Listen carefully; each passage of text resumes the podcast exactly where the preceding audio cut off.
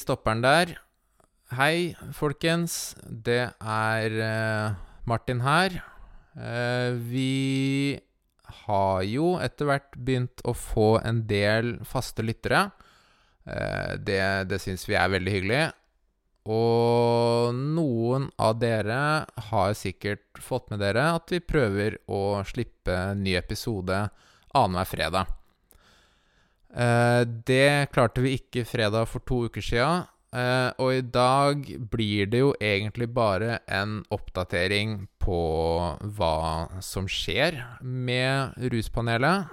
Eh, kan jo si at i, i det siste så har det vært litt kjepper i hjula for, for produksjonen. Eh, kort sagt, vi har venta på klarsignal til å fortsette, sånn rent økonomisk. Eh, og det har vi fått, så det er eh, bra. Eh, og så Mikrofonene som vi bruker i produksjonen, de har blitt stjålet.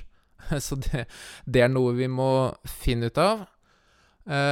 Og Peder har vært en tur på den andre siden av jorda, og er nå sengeliggende med beinbrudd.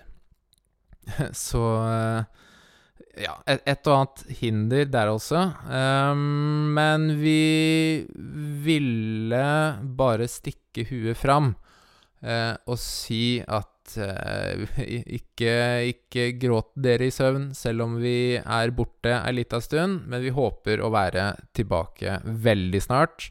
Uh, I beste fall allerede om Altså fredag om to uker, men uansett ikke lenge til. Vi eh, kan jo i hvert fall si at det er eh, mye vi har å snakke om fremover. Eh, det skjer jo ting Har skjedd ting i det siste, både lokalt og globalt, som er interessant for oss som jobber med rus. Så det gleder vi oss til å ta tak i, forhåpentligvis om ikke så veldig lenge. Eh, Fram til det, gjerne send inn spørsmål. eh, og ja, dere får ha en eh, fortryllende vakker tid fram til det.